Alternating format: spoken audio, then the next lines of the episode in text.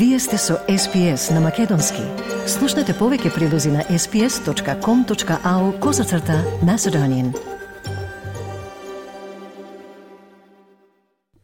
На SPS Audio слушате прилог на македонски јазик, прилог кој се однесува на новото истражување кое предупредува на зголемен ризик од давење на државни празници. Со вас е Маргарита Василева. 281 лице го загуби животот од давење во последните 12 месеци, што ги потекна експертите да повикаат на зголемување на свеста.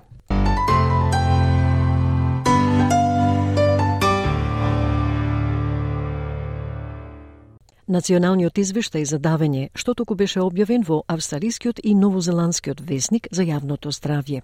Истражувањето на Royal Life Saving Society Australia во партнерство со Surf Life Saving Australia идентификуваше зголемен ризик од давење за време на празниците и долгите викенди.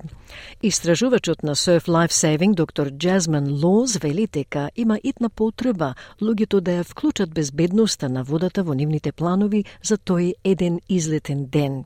Лоз вели ризикот од давење се зголемува повеќе од двојно на државните празници, па дури и за долгите викенди, затоа што луѓето се забавуваат и не размислуваат за опасностите. Tragically, this report come about because 281 people have lost their lives due to drowning in the past 12 months. Well, the risk of drowning more than doubles on public holidays and even higher than that for um, long weekends, um, re- our research has shown. But that's because people are going out, having a great time, um, and not necessarily taking the time to stop, look for the look for the dangers or hazards, or look for rip currents. Um, they're not uh, spending the time checking for checking for other hazards that may be around, and they haven't necessarily thought about the best way to plan how to stay safe. Извештајот покажа пад од 33% на смртните случаи од давење кај децата на возраст од 0 до 4 години во споредба со 10 годишниот просек. Justin Scar е извршен директор на Royal Life Saving Society Australia и вели дека сакаат да видат овие бројки да се намалат уште повеќе. Тој вели давењето кај децата продолжува да се намалува во последните 20 години, особено на возраст под 5 години преку оградување на базените во дворот и кампањи како што е програмата Keep Watch. Our child drowning continues to reduce in this country. Uh, we've reduced drowning about by 53% over the last 20 years, uh, particularly under the age of five through backyard pool fencing and campaigns like the Keep Watch program.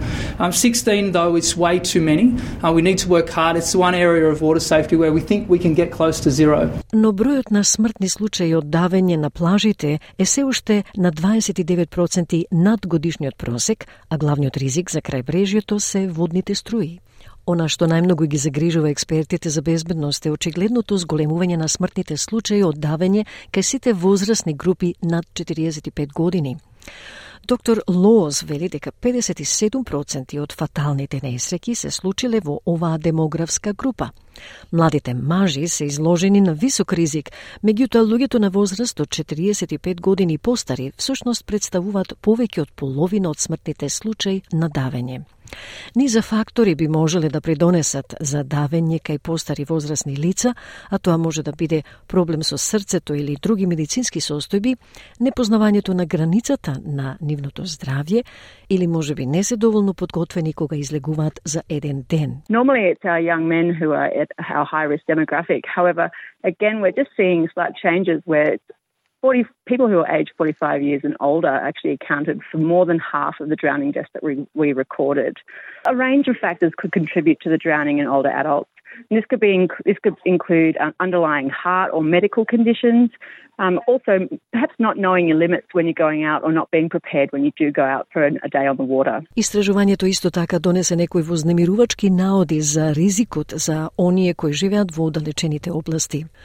Тие речиси имаат двојно поголеми шанси да се удават. Well, often if you don't have access to resources such as swimming or um, even having the experiences to, in different environments, it does actually play, place you at risk because um, you're not you're not familiar with the risk or what the behaviours that you need to have to stay safe. Доктор Кейтриан Пиклс од Royal Life Saving Australia вели дека тоа е начин да се убеди заедницата да ја земе безбедноста на водата во своји раце. Always supervise children in on and around the water, um, learn swimming and water safety and life saving skills. So that could be going to a swimming lesson or going to your local pool and just um, getting back into swimming some laps and increasing your swimming fitness.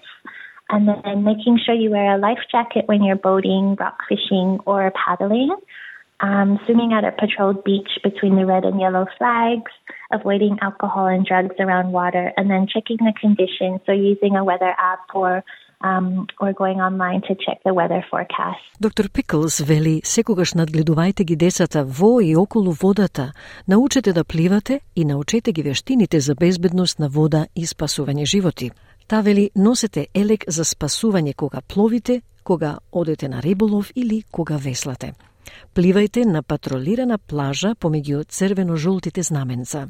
Федералната министерка за спорт Аника Уелс вели дека владата ја поддржува идејата за поголема свест за безбедноста на водата, особено со наближувањето на летната сезона. There will be significant challenges when our days start to heat up next month. That is needed because to be in the water is to be Australian. I and many others have the privilege of childhood memories soaked in salty ocean water.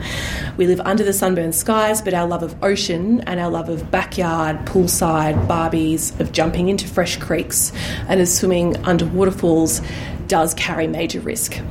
We must do more to assess, to understand, and to acknowledge those risks. Прилог на Адриана Вайнсток за SBS News.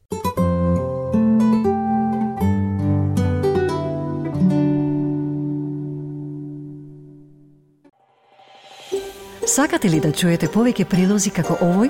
Слушате подкаст преку Apple Podcasts, Google Podcasts, Spotify или од каде и да ги добивате вашите подкасти.